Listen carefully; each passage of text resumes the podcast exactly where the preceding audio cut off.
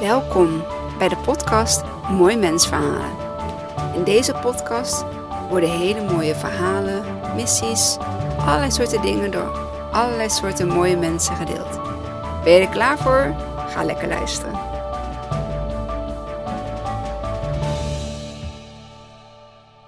Goedemorgen Bart. Goedemorgen Kimi. Ja, wel, we kennen net al eventjes gesproken. En ehm, ja, ik heb eh, een tijd geleden jou eh, ja, gevraagd uh, voor mijn podcast. En dat heet ehm, Mooie Mensen Podcast. En ja, ik vind jou een van de mooie mensen die ik ben tegengekomen. Ehm, weliswaar op LinkedIn. Maar ja, ik vind dat LinkedIn juist ook heel goed ja, voor verbindingen kan, kan, kan zorgen. Hè? Dat op LinkedIn heel veel mooie verbindingen ontstaan. Niet zozeer alleen maar uh, zakelijk, uh, maar juist ook, je ziet, uh, dat ervaar ik, dat er ook steeds meer de om, switch naar ja, sociaal-privé gaat. En um, ja, ik, ik, ik weet wie heet, Bart Heling, maar stel jezelf even voor wat je doet, ehm, wat je hobby's zijn. Oké, ik ben eh, Bart Heling, ik ben leerkracht en gedragsspecialist in het speciaal onderwijs cluster 4. Dat is het cluster voor leerlingen die ernstige problemen rond hun gedrag ervaren of met psychiatrische problemen kampen. Um, ik ben daar 4,5 jaar geleden gestart. Daarvoor heb ik heel wat jaar in het regulier onderwijs gewerkt. En ben 51 jaar, ik heb een gezin met drie volwassen kinderen. Mijn hobby's zijn mountainbiken, lezen, met de hond wandelen en uiteraard op LinkedIn actief zijn sinds een jaar of twee. En wat jij zegt, ik uh, was ook verbaasd dat het in eerste instantie uh, niet alleen maar een zakelijk netwerk is. En dat is het wel, maar ik schreef vorige week nog in een bijdrage, je bent naast een professional ben je vooral een persoon. En hoe mooi is het dat je dan juist op LinkedIn de personen achter de professional leert kennen. En ik denk het grote verschil, en dat wil ik nog wel even benadrukken tussen bijvoorbeeld LinkedIn en Facebook, is dat op Facebook vertel je vooral uh, wat je doet, terwijl je op LinkedIn eigenlijk uh, vertelt waarom je dat doet. Ja. En um, nou, dat ben ik gaan doen bijna twee jaar geleden, waarom ik in het speciaal onderwijs werk en vooral om te laten zien uh, dat het gaat om kinderen met een krasje, kinderen die vaak heel veel hebben meegemaakt waardoor ze gedrag vertonen. En in plaats van dat mensen dan um, een bepaald beeld hebben van het gedrag, of daar misschien zelfs een oordeel over hebben, wil ik laten zien waar het vandaan komt en ook wat we eraan kunnen doen. Ja, heel mooi. Dus je bent geswitcht van het regulier onderwijs naar het speciaal onderwijs. Uh, wat was de reden dat je ging switchen? Um, omdat ik in het regulier onderwijs uh, toch wel voornamelijk ja, bezig was. Dat ging eigenlijk al automatisch juist met kinderen die buiten de boot dreigden te vallen. Kinderen met wie wat aan de hand was. Kinderen die zichzelf buiten de groep plaatsten, om wat voor reden dan ook. En dat was eigenlijk mijn opdracht, omdat ik denk ik die kinderen in mezelf wel herkende, om die kinderen erbij te betrekken. Dus ik was vooral pedagogisch bezig, uh, veel meer dan dat ik didactisch bezig was. Was daar ruimte voor op de vorige school of in de vorige functie? Uh... Nou, uh, dat levert in het regio-onderwijs best wel een spanningsveld op. Omdat um, ik ook wel merkte dat de nadruk daar toch vooral lag op het behalen van resultaten. Um, dat werd er wel eens gezegd. We zijn een resultaatgerichte school. En kinderen moeten toch wel bepaalde scores halen. En je moet aan bepaalde opdrachten en verwachtingen voldoen. Um, dus nee, die ruimte was daar lang niet altijd voor. Maar ja, ik dacht daar toch anders over. Want weet je, de kinderen kwamen met plezier bij mij in de klas. De ouders waren super tevreden. En de enige die wel eens niet tevreden was, dat was dan mijn directeur of directrice. En um, ja, dan, daar hebben we heus wel gesprekken over gevoerd. En kwamen er ook meestal wel uit hoor. Maar uiteindelijk was de stap heel logisch om naar richting het speciaal onderwijs te gaan. Ja, en um, dan, nu zit je op het speciaal onderwijs. Um, hoe ben je daar, hoe is de start daar gegaan? Hoe, hoe lang zit je nu op het speciaal onderwijs? Ja, ik heb uh, toen ik nog in het regulier onderwijs werkte ook de opleiding gedaan tot gedragsspecialist. Dat is een, een masteropleiding aan het winnen zijn. Um, die heb je ook wel nodig. Dat is wel een pre, vindt men in het uh, speciaal onderwijs om daar komen werken. Ja. Ehm, maar op het moment dat je die opleiding hebt gedaan, dan weet je eigenlijk nog helemaal niets, heb ik ontdekt. Want de praktijk is zoveel anders dan dat de theorie is. En de theorie is wel geschreven vanuit de praktijk, maar je moet het echt wel zelf ervaren. En ik werd vanaf dag één echt wel enorm geconfronteerd met ehm, wat gedrag doet met, met mijzelf, of met jouzelf. Op het moment dat een kind dreigend voor je staat, of scheldend, vloekend, uh, misschien vechtend of spugend. Um, en dat heeft wel even geduurd voordat ik dat daadwerkelijk kon plaatsen en dat bij het kind zelf kon laten.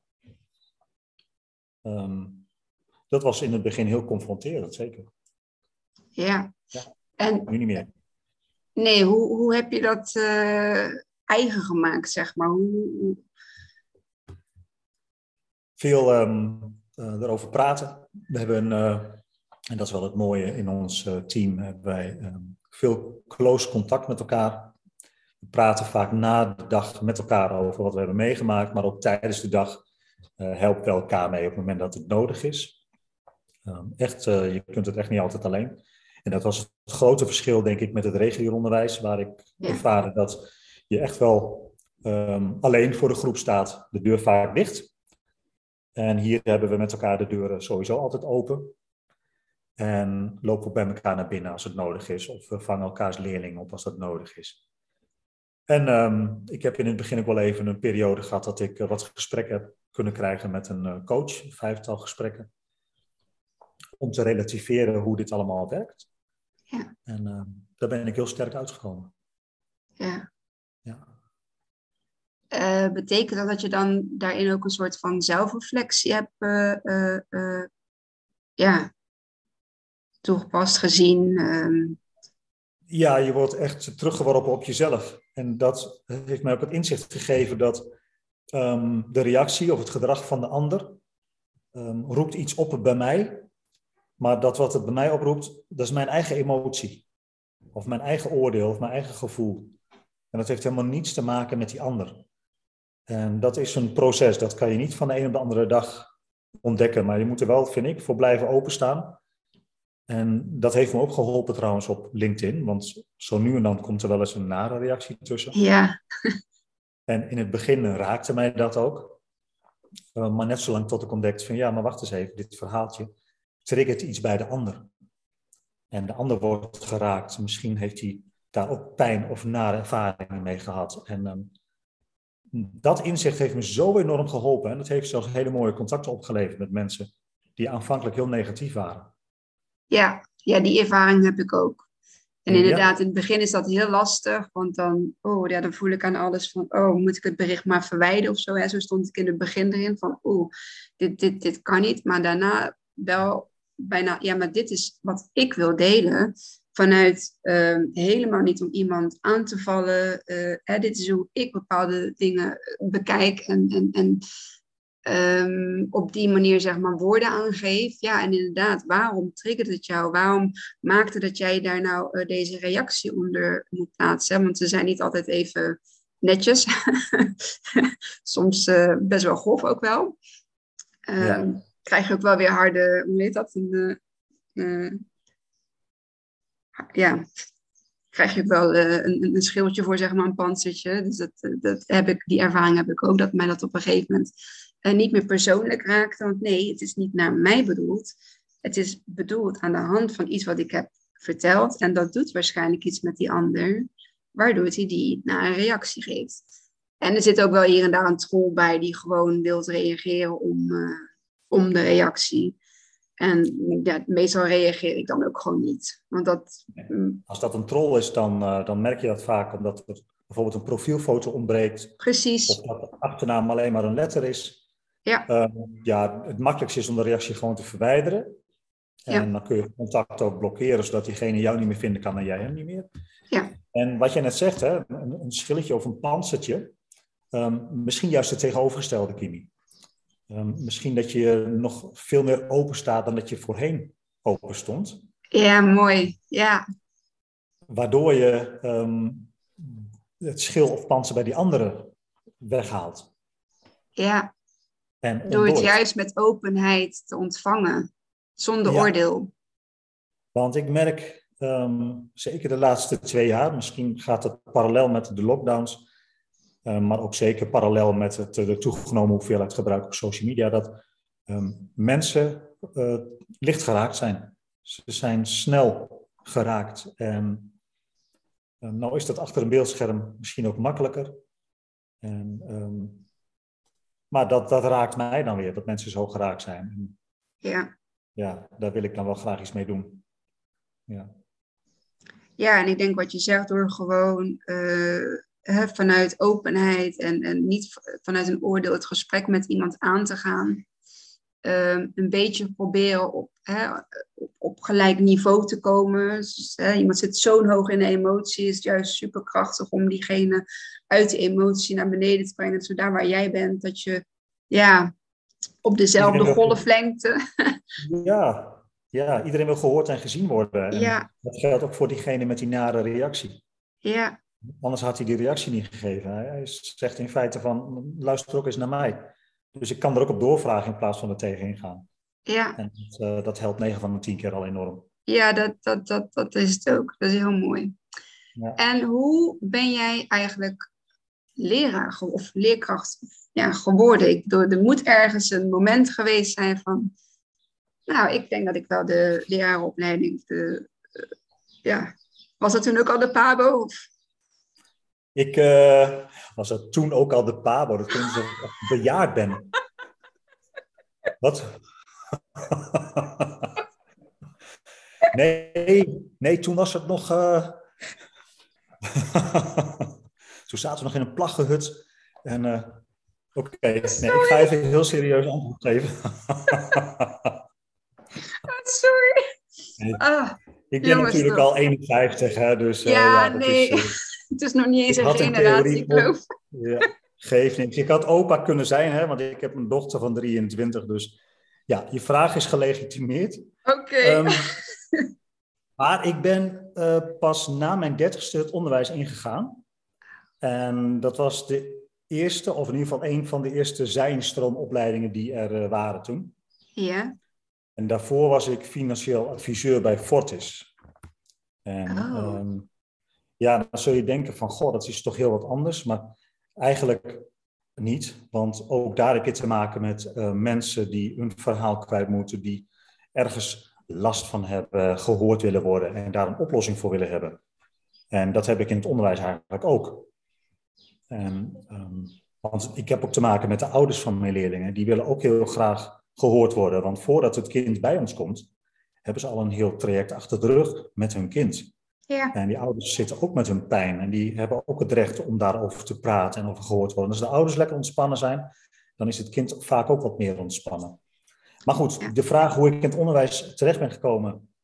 Um, ik zal het even heel snel vertellen. Toen ik Ja. 18 was en klaar was op de middelbare school, toen wilde ik eigenlijk al naar de PABO. Dat heette toen ook al. PABO? Nee, dat heette toen de PA. Nee, je hebt echt gelijk. Het heette toen anders. Dat was de PA, de Pedagogische Academie. En, um, maar ik vond toen dat um, ik wat heel stoers moest gaan doen, namelijk iets met economie en marketing. En ik vond dat de, de gasten die leraar werden, dat vond ik allemaal watjes in die tijd. Dus ik, uh, ik ging doen waarvan ik dacht dat er van mij verwacht werd. Dus ik ben de economische kant op gegaan. En uh, dat ging best wel even goed. En toen kreeg ik een vrouw en kinderen en we gingen verhuizen. Maar diep van binnen bleef het natuurlijk wel kriebelen. Maar toen kreeg ik een tweede kans. Want de Fortis ging reorganiseren. Dat was net na de millenniumwisseling. En ik was inmiddels wel wat dichter bij mezelf gekomen. Dus ik durfde toen ook daadwerkelijk de keuze te maken. Om zelf ook dat watje te zijn dat uh, naar de PABO ging. En uh, leraar te worden. En dat blijkt helemaal geen watjesopleiding te zijn natuurlijk. Nee. Het is uh, gewoon echt een, een pedagogische academie. En het is een HBO-opleiding, is niet voor niks. Ja. Dus toen ben ik uh, in 2003 mee gestart. In 2005 stond ik al voor de klas. Zo. Ja. Zo. Dan ben je begonnen als, uh, meteen als leraar, of was het stage, of was het... Uh, Ja, in die tweejarige opleiding heb ik ook stages gehad. Maar in 2005 ben ik ook echt wel begonnen als leraar. En ik had ook meteen een, uh, in september 2005 een vaste aanstelling bij een Montessori school hier in Emmen. Ah, Montessori onderwijs. Ja, dat, uh, ik heb mijn kinderen hier in Breda dan uh, op een Montessori aangemeld. Maar de wachtlijst is daar sky high. Dus uh, blijkbaar wil iedereen zijn kind tegenwoordig op de Montessori hebben. Um, Zo. Ze zitten nu op een nuts, nutsonderwijs. Dus um, ook nog wel, ja, vind ik ook nog wel oké voor dit moment. Um, maar ja, ik weet niet. Ik geloof dat ze veel meer tot hun recht komen wanneer zij hun werkje op een kleedje mogen doen. Of gewoon hun pantoffels in de klas aan mogen hebben. Of um, als het werk maar afkomt. Ja, en of het dan staand aan de tafel, zittend aan de tafel. Uh, wat ik al zei, liggend, spelend op een kleedje. Um, heel veel samenwerken. Um, ja, daar gaat mijn hart echt sneller van kloppen. Dat, uh, ja. Daar hadden we het al over hè, eerder, eerder vanochtend. Over een andere vorm van onderwijs. Ja. En dat ja. sluit wel aan bij waar we het over hadden, wat jij nu zegt, ja. Ja, ik geloof daar ook wel in. In plaats van vijf en een half uur stilzetten achter een tafeltje. Ja. Nee, ja, ik heb, ik heb van de week met heel veel trots mijn eigen zit-sta-bureau uh, op uh, social media gegooid. Dat ik zo ik blij ben. Ik ben zo blij met mijn zit-sta-bureau. Dat wil je niet weten. Ik was al een half jaar aan het zeuren en aan het vragen. Nou, eindelijk werd hij besteld. Dan sta ook al dat ik denk van... Oké, weet je, dit is gezondheid voor de werknemer. Dit, dit, ja, zo zie ik het dan. Maar goed, oké, kogel door de kerk, bezuinigen. En uh, ik was dus ook, en hij is elektrisch, dus dan gaat hij omhoog en dan weer naar beneden. En dan probeer ik echt zo lang mogelijk probeer ik te staan, totdat ik echt voel van, nou, nou word ik een beetje moe. Nou, dan gaat hij weer naar beneden en kan ik weer gaan zitten. Mm-hmm. Maar uh, dat is iets, uh, klinkt als iets heel kleins, maar het, ja, voor mij heeft het, geeft het zo'n, zoveel meerwaarde, zeg maar, aan mijn gezondheid, zeg maar. En, en ja, ook aan mijn gesteldheid, weet je. Het is veel makkelijker om een dansje te doen als je staat. Dus als er een leuk muziekje op de, op de radio komt, dan, uh, ja, dan sta ik daar gewoon lekker uh, mijn dansje te doen of mijn beweging te doen. Ja, en dan zie je de rest ook echt zo kijken van, ik zeg, ja, kom gezellig aan de bar staan. Nou, en als mijn collega dan even bij mij komt, dan staat hij zo'n beetje aan de bar. Of tenminste aan mijn hoge tafel dan. En uh, ik zeg, het is toch veel leuker dan zo uh, zittend. Uh, en ik werk daar twee dagen en één dag uh, op een andere vestiging. Ze gebruiken jullie de tafel ook als ik weg ben? Ja, nee, nee. Ik zei niet. Ik zit, ja, ik snap dat niet. Nee, nee, ik zit veel beter. is oké, okay. zelf weten. Nee, de volgende stap is dat je er een loopband bij zet. Of dat je misschien wielen onder die staattafel doet, zodat je mee rond kan lopen. Want nu sta je maar zo te staan. Hè, dus er kan nog wel een upgrade komen, hoor ik al.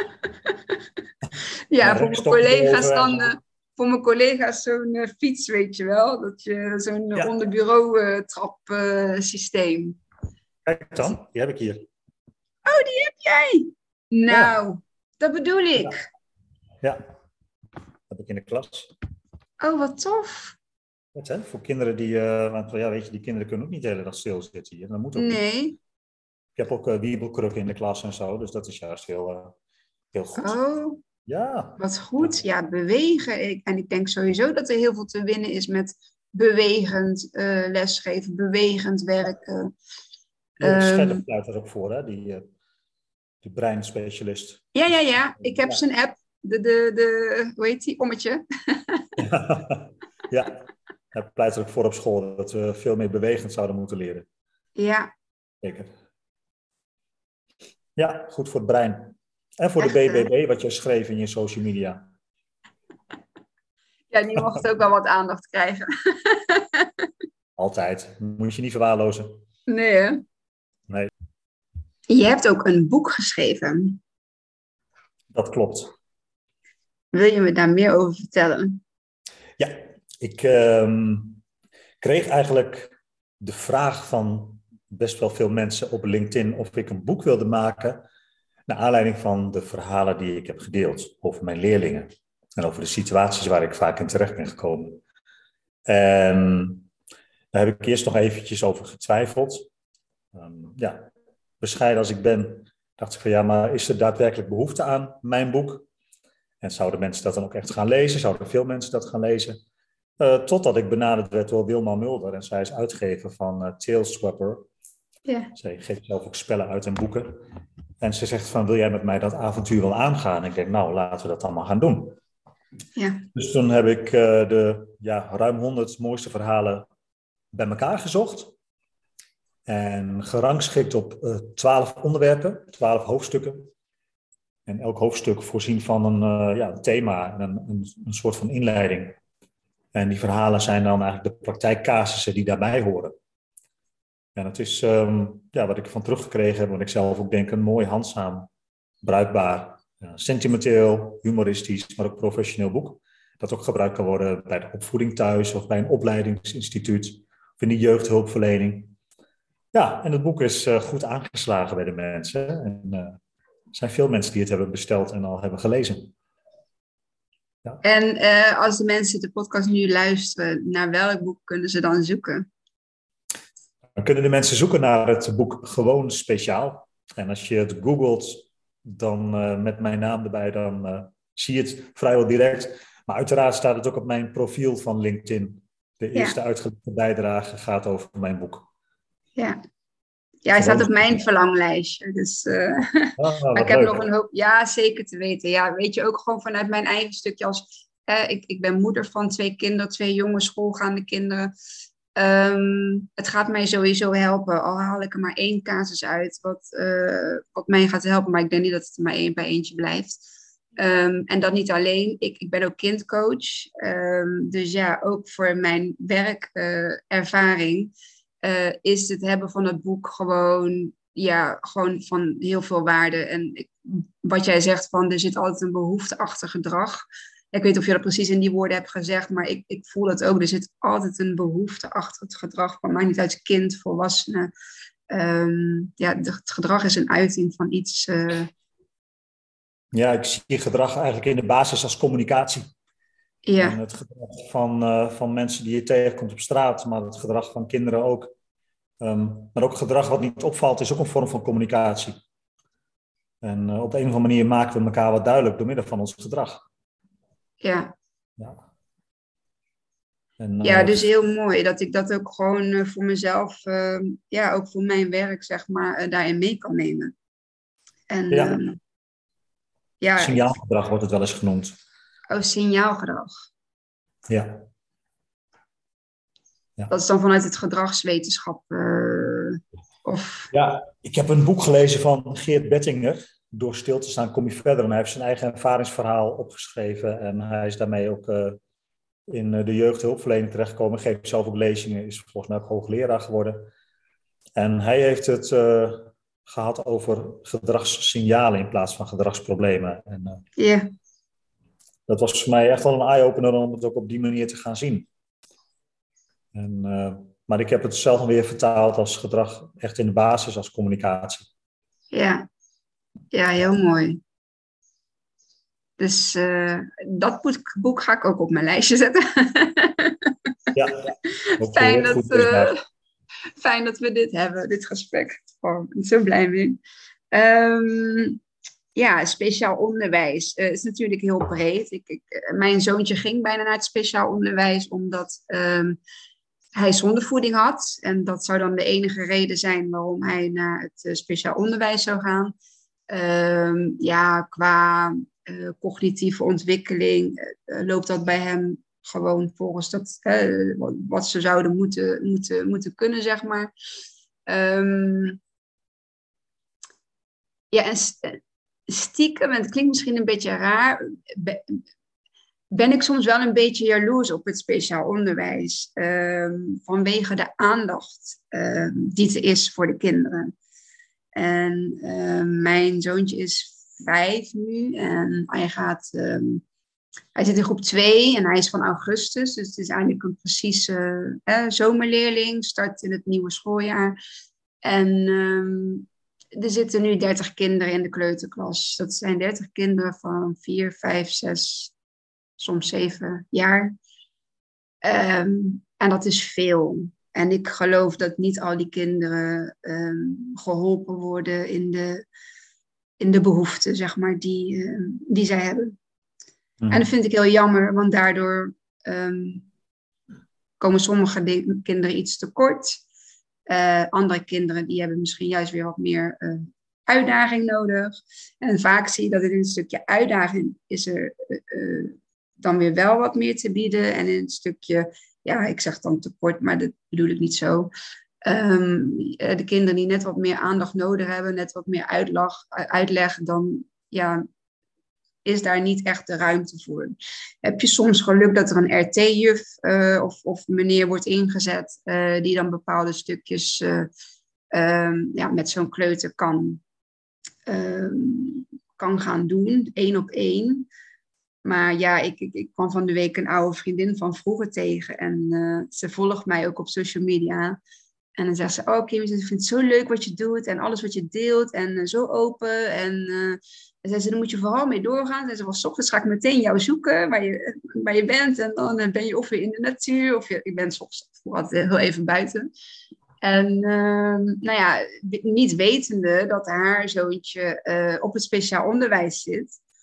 En uh, toen dacht ik, wauw, zei ze, ja, zei ze, hij zit met acht, juf, eh, nee, acht kindjes. Hebben ze drie juffen in één klas. Maar het is een kindje die heeft vergrote hersenen. Dus die loopt een jaar of drie, ja, qua ontwikkeling achter op de, op de leeftijdsgenoten um, die op het regulier onderwijs zitten. Zei ze, maar stiekem kijk ik een beetje tegenop als mijn andere zoontje naar school toe moet. Zei ze, want dan, die gaat wel het regulier onderwijs in. Met alle uh, drukte daarin. En, en, ze, en dan ja, ben ik eigenlijk wel heel dankbaar dat ik haar andere zoontje die dan op speciaal onderwijs zit, dat hij wel daar de, de aandacht krijgt en, en de ruimte krijgt uh, om zich te ontwikkelen op zijn tempo en zijn manier. En, en dat zou ik eigenlijk ieder kind willen gunnen. Dat ze op hun eigen tempo en op hun eigen wijze um, mogen gaan ontplooien, mogen gaan groeien, mogen gaan ontwikkelen.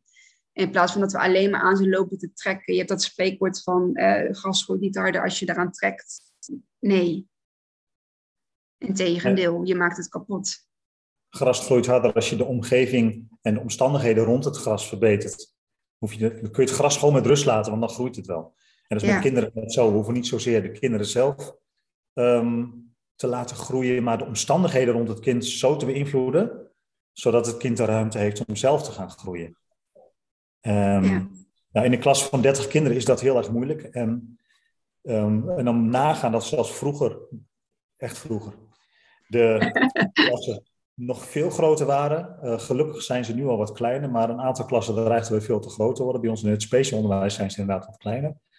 Um, onze leerlingen hebben dat nodig, maar de leerlingen in het regulier onderwijs hebben dat ook nodig. En ik denk dat er heel veel potentie verloren gaat doordat um, dat niet alle kinderen volledig bediend kunnen worden of gezien kunnen worden voor wie ze zijn. En uh, daardoor zich maar gaan aanpassen aan het systeem waarin ze op dit moment dan uh, misschien ook wel thuis zitten, maar ook wel in, uh, in school zitten. Kinderen zijn natuurlijk enorm flexibel en veerkrachtig, maar kunnen zich ook heel erg goed aanpassen. Ja. Je dan soms wel eens te veel aanpassen als een soort van chameleon, zeg maar? Waardoor ze uiteindelijk zichzelf een beetje een soort van, ja, um, achterstellen. Om vooral in de behoeften van school. Kijk, je ziet, bij ons in het speciaal onderwijs hebben we onlangs met elkaar ook over gesproken dat wij zien uh, de, het aantal aanmeldingen toenemen. Zeker bij ons in het cluster 4 onderwijs. Dus dat betekent dat er blijkbaar meer kinderen zijn die problemen rond het gedrag ervaren of psychiatrische problemen hebben dat is wel een signaal dat er iets niet goed gaat ergens in de samenleving, zonder precies de vinger erop te kunnen leggen wat dat is. Ja. Um, er zijn verschillende oorzaken aan te wijzen. Dat zou kunnen zijn door uh, de pandemie bijvoorbeeld. Dat, um, dat kinderen toch minder de aandacht hebben gekregen dan waar ze recht op hadden. Ehm, maar ook dat het thuis niet goed is gegaan. We hebben gezien dat er signalen zijn gekomen dat er veel meer huiselijk geweld is geweest in die periodes. dat is traumatisch voor kinderen en ehm, kinderen met trauma's komen vaak sneller in het speciaal onderwijs terecht. Ja. Want laten met hun gedrag weer zien dat het niet goed met ze gaat. Ja. Dat dan weer als communicatie. Ehm, hoe dan ook, dat is een zorgelijke ontwikkeling. En tegelijkertijd is het ook zorgelijk dat er steeds minder leerkrachten beschikbaar zijn en dat er minder aanmeldingen komen voor de leerkrachtenopleidingen. Um, waardoor we toch weer dreigen grotere klassen te krijgen. Het is natuurlijk een duivels dilemma voor de regering hoe ze dat ehm, moeten aanpakken en willen gaan oplossen. Eh, heb jij iets van een, eh, ja, je hebt niet de oplossing, maar eh, heb je een gedachte die je zou willen delen? Ja, ik heb een gedachte erover. Ehm, dat is vanuit de zelfdeterminatietheorie van Daisy en Ryan heel bazaal. De kinderen, maar niet alleen de kinderen, wij volwassenen hebben allemaal behoefte aan. Dat zijn drie psychologische basisbehoeften. Dat is relatie, competentie en autonomie. En ik zie dat vooral dat stuk autonomie de laatste jaren bij leerkrachten enorm is ondergesneeuwd geraakt door de druk die van bovenaf is opgelegd. En dat begint in feite bij de inspectie. En dan hebben we heus wel veel ruimte vanuit de inspectie om ons werk in te delen zoals we dat zouden willen.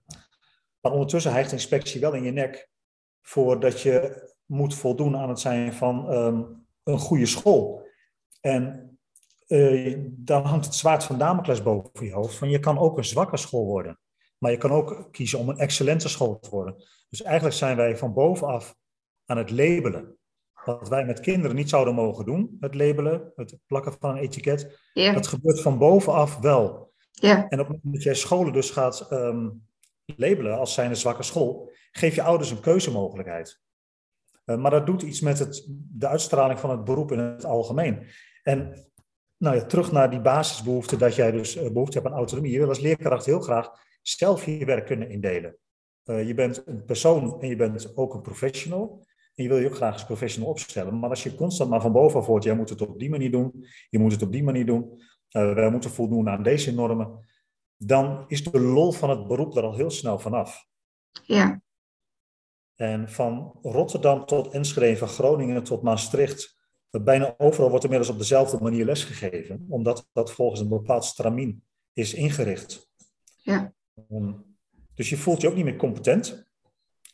En op die manier raak je ook de relatie kwijt met jezelf, de relatie met je omgeving. Dus ja, als je het er toch hebt over die basisbehoeften, de relatie, competentie, autonomie, in combinatie met wat er momenteel allemaal mogelijk is in de samenleving qua het verdienen van geld, wat in het onderwijs ook niet heel hoog is, ja. dan snap ik wel dat dat, dat um, giftige factoren zijn, waardoor er steeds minder ambitieuze mensen in het onderwijs uh, terechtkomen.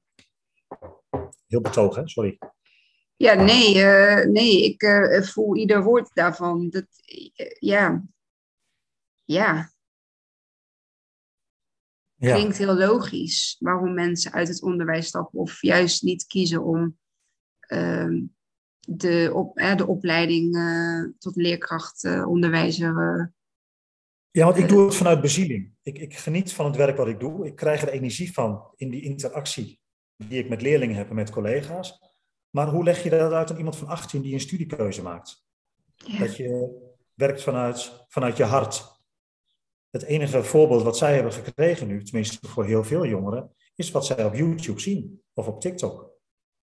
En laten we eerlijk zijn, daar worden natuurlijk de succesverhalen gedeeld. Dus ik hoop in ieder geval dat ik een beetje invloed heb met de dingen die ik plaats en laat zien. Ja, ja daarom, ik zeg ook tegen iedereen die deze podcast luistert, ga alsjeblieft Bart Heling volgen op LinkedIn. Want um, het geeft mij ook gewoon hoop om jouw berichten te lezen. Uh, want ja, er is iemand die het erzelfde in staat als ik. En dan ben ik op dit moment geen, uh, geen leerkracht. Ik, ik ben wel moeder. en uh, goed, ik probeer twee, twee kinderen, zeg maar, groot te brengen. Tot evenwichtige. Wat zeg je? Dat is een hele taak. Ja. ja. Tot uh, twee evenwichtige, hè, uh, mooie, mooie persoon dat ze al zijn. Maar uh, ja, ze alles mee te geven. Ehm, waarvan ik denk dat ze dat nodig hebben later in de wereld. En dat is voor mij niet per se een universitaire opleiding met daarna een universitaire uh, baan uh, waar je heel veel geld verdient. Nee, ik, ik ben echt van het hart volgen en, en ik vind ook wel gewoon, je, je, je moet gewoon werken. Je, je, je ja. Maar inderdaad, hoe mooi zou het zijn als je iets kunt doen um, waarbij je je hart volgt. En uh, waarbij je met uh, voldoening wakker wordt en denkt van, oh, ik mag vandaag weer een dag. En, en ja, je ziet het nu ook met de praktische beroepen. Mensen staan te springen om mensen met, die iets kunnen met hun handen. Want er zijn geen weinig mensen meer die iets met hun handen kunnen. Um, puur omdat we zo vanuit de maatschappij zo gefocust zijn op een, op een een goede baan, uh, weet ik veel, als advocaat of uh, universitaire opleiding. Uh, je moet naar de universiteit op, op zijn minst, zeg maar, HBO. Ehm, ja, ik kom zelf van de MAVO, MBO. ehm, ik heb een opleiding gedaan nou, waar ik al lang niet meer iets mee doe. Na een half jaar dacht ik van, nou, dit gaat het in ieder geval niet worden. Ja, daar heb ik daar vier jaar opleiding voor gedaan. En dan weet ik uh, na een half jaar uh, van het doen uh, van, die, van dat beroep van, nou ja, dit gaat hem in ieder geval niet worden. ja, dan zit je daar met je vier opleiding. Ontzettend zonde natuurlijk. Maar ik ben echt gewoon gaandeweg gaan kijken, ervaren, gaan leren wat past bij mij. En ik heb nu een 21 uur loondienstbaan bij een hele grote afvalinzamelaar. Um, daar voel ik nog steeds um, dat ik daar op mijn plek zit.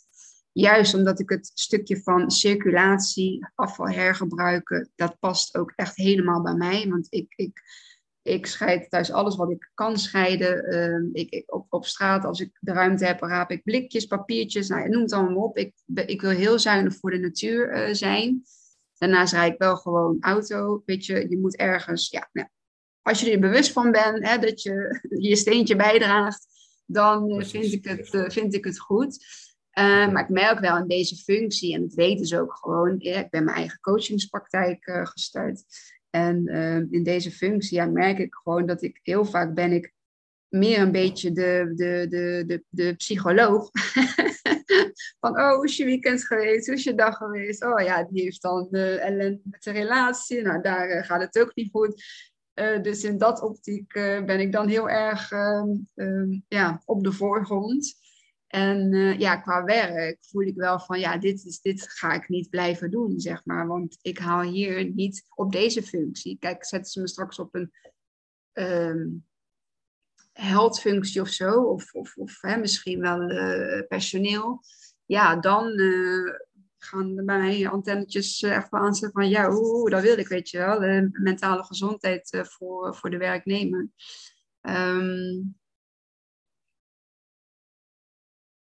maar ja, het is belangrijk, denk ik, om iets met je hart te doen. Uh, en wat dat dan ook is, is het is het uh, uh, leerkracht zijn vanuit het hart? Is het, is het ouder zijn vanuit het hart? Is het een vriend zijn vanuit het hart? Is het een, een muzikant of een artiest zijn hè, vanuit je hart? Als je ja, maar iets doet vanuit je hart. En, en ik betwijfel ook, en dat merk ik dan ook onder de leraren of leerkrachten, zeg maar, die ik vroeger zelf heb gehad of die mijn kinderen nu hebben. Ik voel nu gewoon bij iemand als die het uh, ja, echt doet vanuit zijn hart, vanuit zijn gevoel of maar dat het ja, gedaan moet worden, eh, omdat ik heb nou eenmaal deze baan, of ik zit al uh, 30 uh, jaar in het, in het onderwijs. Um, ik, maak dit, uh, ik maak dit gewoon af. Je, je voelt dat heel erg. En um, ja, daar kunnen we inderdaad... Kinderen voelen dat ook, hè? Ja. Kinderen voelen of je echt bent als leerkracht. Ja. En uh, ik heb een aantal jaar geleden de, eh, de opleiding tot ervaringsgericht onderwijsleerkracht uh, ook gedaan daarbij. Ja. En daar werd onder andere gesproken dat uh, als leerkrachtstijl zou je inderdaad um, goed moeten letten op aanvaarding, echtheid en empathie. Dat, dat zou standaard in je houding moeten zitten. Dus aanvaarding van, van wie dat kind is of wie die ander is. Uh, echt zijn, dus je ook niet anders voelen dan hoe je bent. En empathie is aansluiten bij, bij de ander. Ja. Heel mooi. Ja, heel belangrijk, heel mooi. En wat je net zei, hè, we hebben mensen nodig die met hun handen werken. Want ehm, iedereen is, of iedereen, heel veel mensen zijn blijkbaar maar uh, door gaan leren. En uh, ja. Um, zo hoog mogelijke opleiding misschien halen. En dan ben je dus heel veel met je hoofd bezig. En zou dat ook niet zo kunnen zijn dat de toename van het aantal overspannen of zelfs burn-out klachten um, parallel loopt met de toename van het aantal mensen dat maar eens door gaan studeren en op zoek is gegaan naar een baan waar je bij na moet denken? En niet dat je niet moet nadenken als je loodgieter bent, maar dan ben je heel specialistisch en heel vakgericht bezig. Ja. Piloot of loodgieter of uh, leerkracht. Dat, uh, dat is, ja, leerkrachten zijn ook wel uh, vaak burn-out trouwens. Maar dat is weer door die externe druk die opgelegd is. Ja. Niet zozeer door de hoeveelheid administratie wat gebruikt wordt als argument. Ja. Werkdruk, nee. Ja, dus we hebben inderdaad, uh, we zullen weer terug moeten gaan naar datgene wat ons bezieling geeft. En um, erkenning en waardering geven aan de beroepen die zo belangrijk zijn. En waar begint dat, Bart? Dat begint op school. Maar dat begint ook, ook thuis. En dat ja, ik bedoel inderdaad, vanaf kleins, vanaf dat een kind klein is, zeg maar, daar begint het. Je, maar, maar ook op social media, want de kinderen zitten toch ook allemaal achter een scherm. En dat kun je niet meer wegdenken dat kinderen achter schermen zitten. Dus ook daar zullen we ze moeten voeden. Met het belang van uh, ja, de veelheid aan beroepen die er zijn en die er mogelijk zijn. Hè? Ja. Ja, gelukkig zegt mijn zoon nu nog dat hij astronaut wil worden. Ik vind dat wel een leuke. Ik, ik, ik vind er wel wat van reizen naar de maan. Het geeft toch ook wel weer. Eh, ik weet niet of het heel goed is voor ons uh, stelsel. Maar um, ja, de, de, de, de interesse van hem naar de planeten en naar de maan. En uh, dat astronautje in dat pak, zeg maar. Uh, Paxi is ook zo'n leuke serie wat hij dan, wat hij dan graag kijkt. En dan denk ik van ja, een astronaut, ja, hoe tof is dat als je dan zo klein bent en je wilt naar de maan. Ik, ik, weet wel, ik, volgens mij was het bij mij al heel snel, ik wil advocaat worden, want dan ga ik veel geld verdienen. Ja. Dat is wat je meekreeg. Veel geld verdienen. Ja, veel geld verdienen. Veel geld verdienen. uh, ja. Ja, ik, was niet zo, ik was niet zo'n hoogvlieger. nee, dan was je wel piloot geworden waarschijnlijk. Dat zijn hoogvliegers. En ik dacht na de MBO al gauw van, nou weet je, het is me wel gescheten hier. Ik had zo'n hekel aan school. Ik, ik kon, ik, nee, ik, vooral naar die MBO-opleiding dacht ik echt van, jee, wat ben ik mijn tijd aan het verdoen? Ik kan, kan, kan per maand zoveel, uh, ja, verdienen. En dan uh, ga ik, uh, nee, en school trok me ook totaal niet meer. En ik, ja, ik was er gewoon klaar mee. Dat, dat, dat gewijs, ja, ik weet niet, ik heb ook een beetje moeite met autoriteit, denk ik. nee, wie niet. En je hebt het nou ook over veel geld verdienen. En dat is inderdaad nog een argument waardoor um, mensen gaan kiezen voor een bepaalde functie. Want de boodschappen zijn veel duurder geworden, de benzine is veel duurder geworden. Ja. Dus het is nog weer een extra argument om door te gaan studeren, zodat je meer geld kan gaan verdienen. Um, ja, misschien moeten we maar eens uh, iets gaan doen met salarissen. En dat je ook ziet van, hé, hey, maar als um, piloot, ja, die piloot verdient wel goed trouwens, maar als uh, loodgieter, metselaar, leerkracht, hovenier, kun je um, mooi geld verdienen. En dat zou dan wellicht een argument kunnen zijn. Je bedoelt de salaris eigenlijk een beetje omhoog. Uh, ja, ja want wie bepaalt dat dan eigenlijk, vraag ik me af. Ja, wie bepaalt dat? Ja, waarom zou een directeur meer moeten verdienen dan de medewerkers? Stel dat naarmate je hoger klimt op de ladder in een organisatie, dat het salaris dan omlaag gaat. Hoeveel mensen zouden dan nog kiezen voor um, de hogere functie?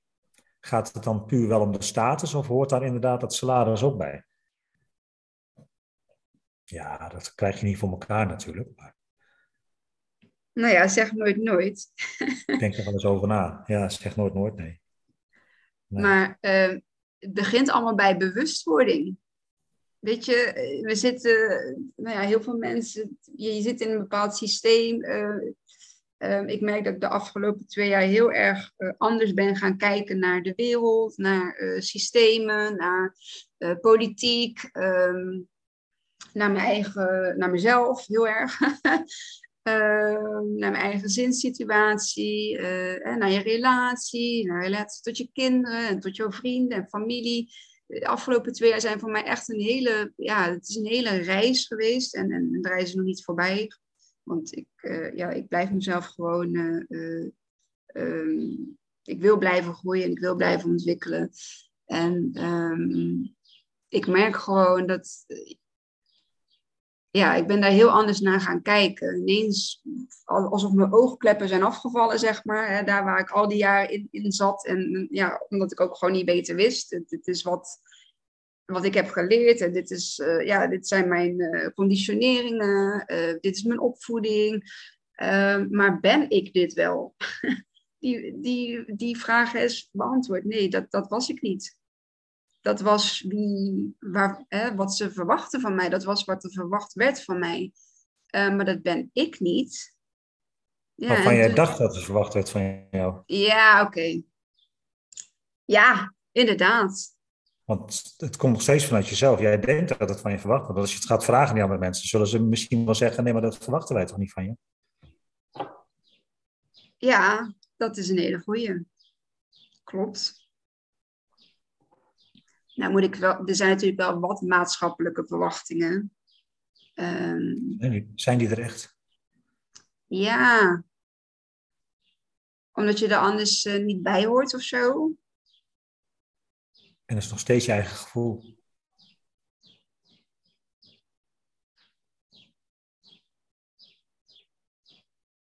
Ja, waarschijnlijk wel. Ik herken dat wel.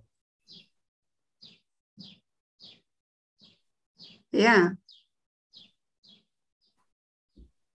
Want wanneer hoor je erbij? En waar hoor je dan bij?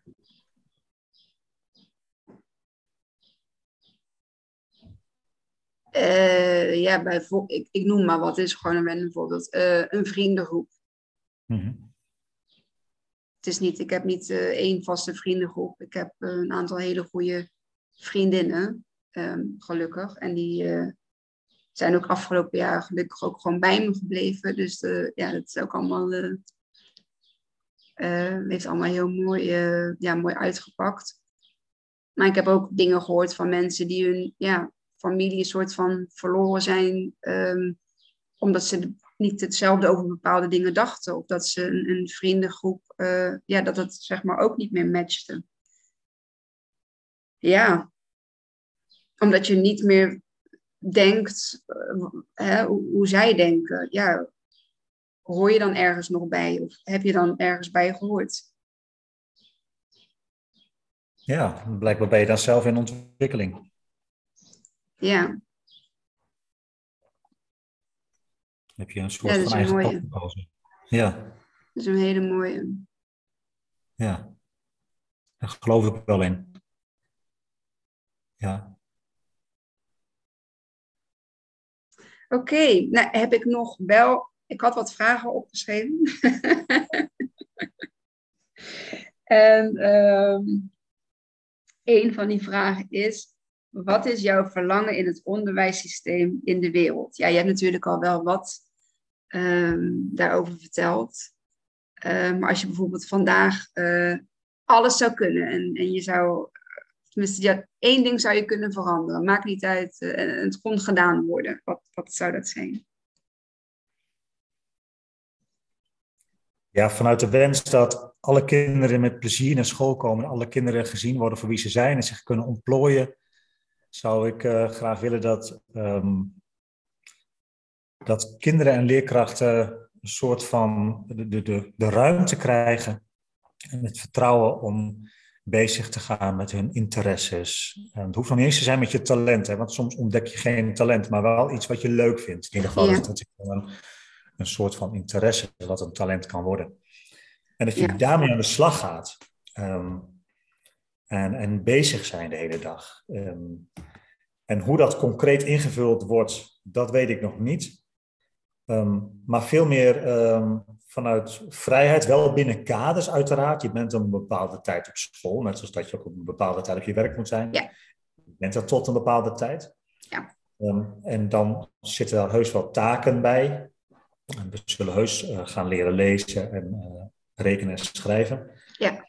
Maar veel meer vanuit um, timing en het goed moment. En bij de ene kant dat ochtends, bij de andere kant het middags. Maar ook echt vanuit vertrouwen. En dat je gewoon rond kan lopen door het gebouw bijvoorbeeld. Ik zie dat voor me en ik heb dan een heel romantisch beeld bij. Maar uh, het past wel enigszins bij de filosofie die Maria Montessori natuurlijk ook had. Ja. Je ziet het ook wel een beetje in de vrije school. Hè? Veel meer kijken wanneer het kind ergens aan toe is.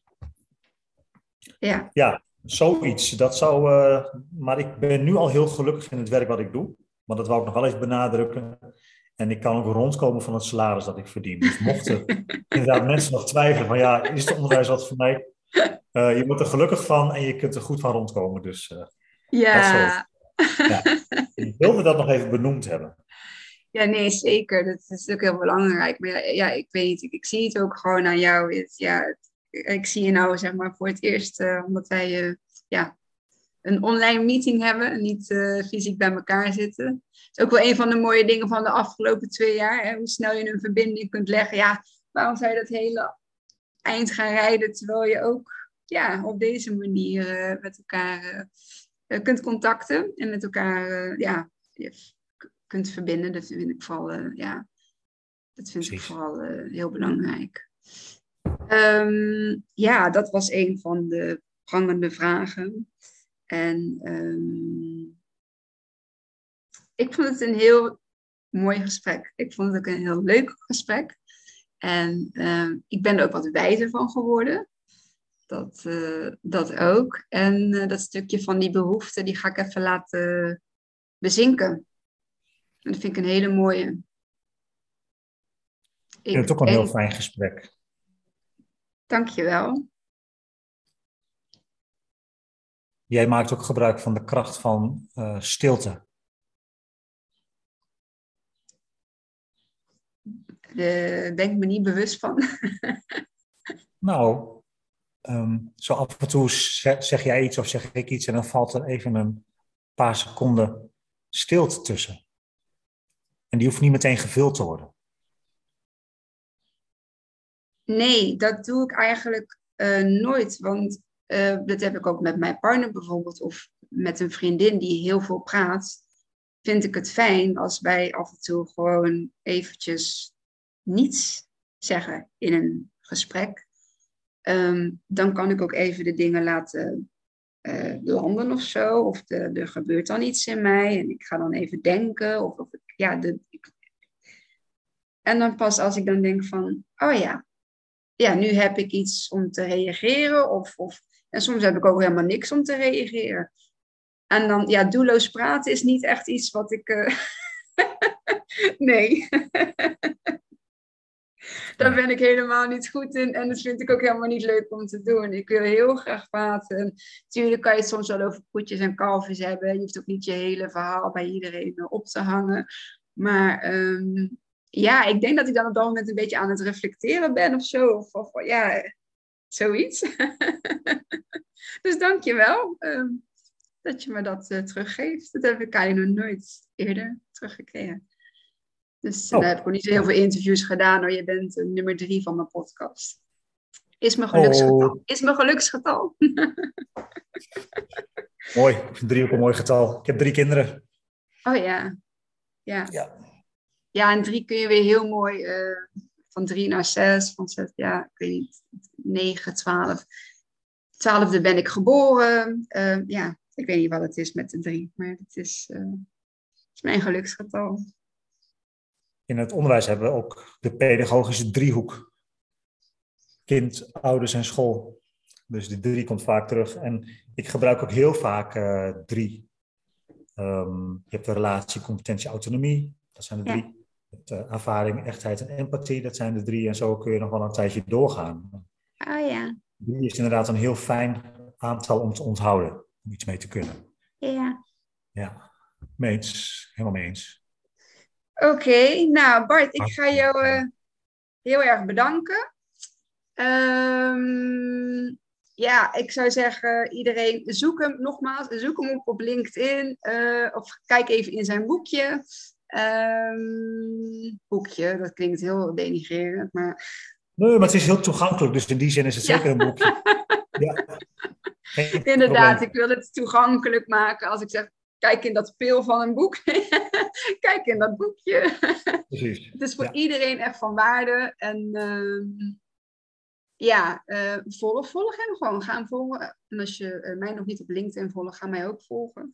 Uh, ik accepteer meestal alleen maar mensen met foto's inderdaad. Want ja, ik heb niet zo behoefte om allerlei trolle vrienden mee te worden.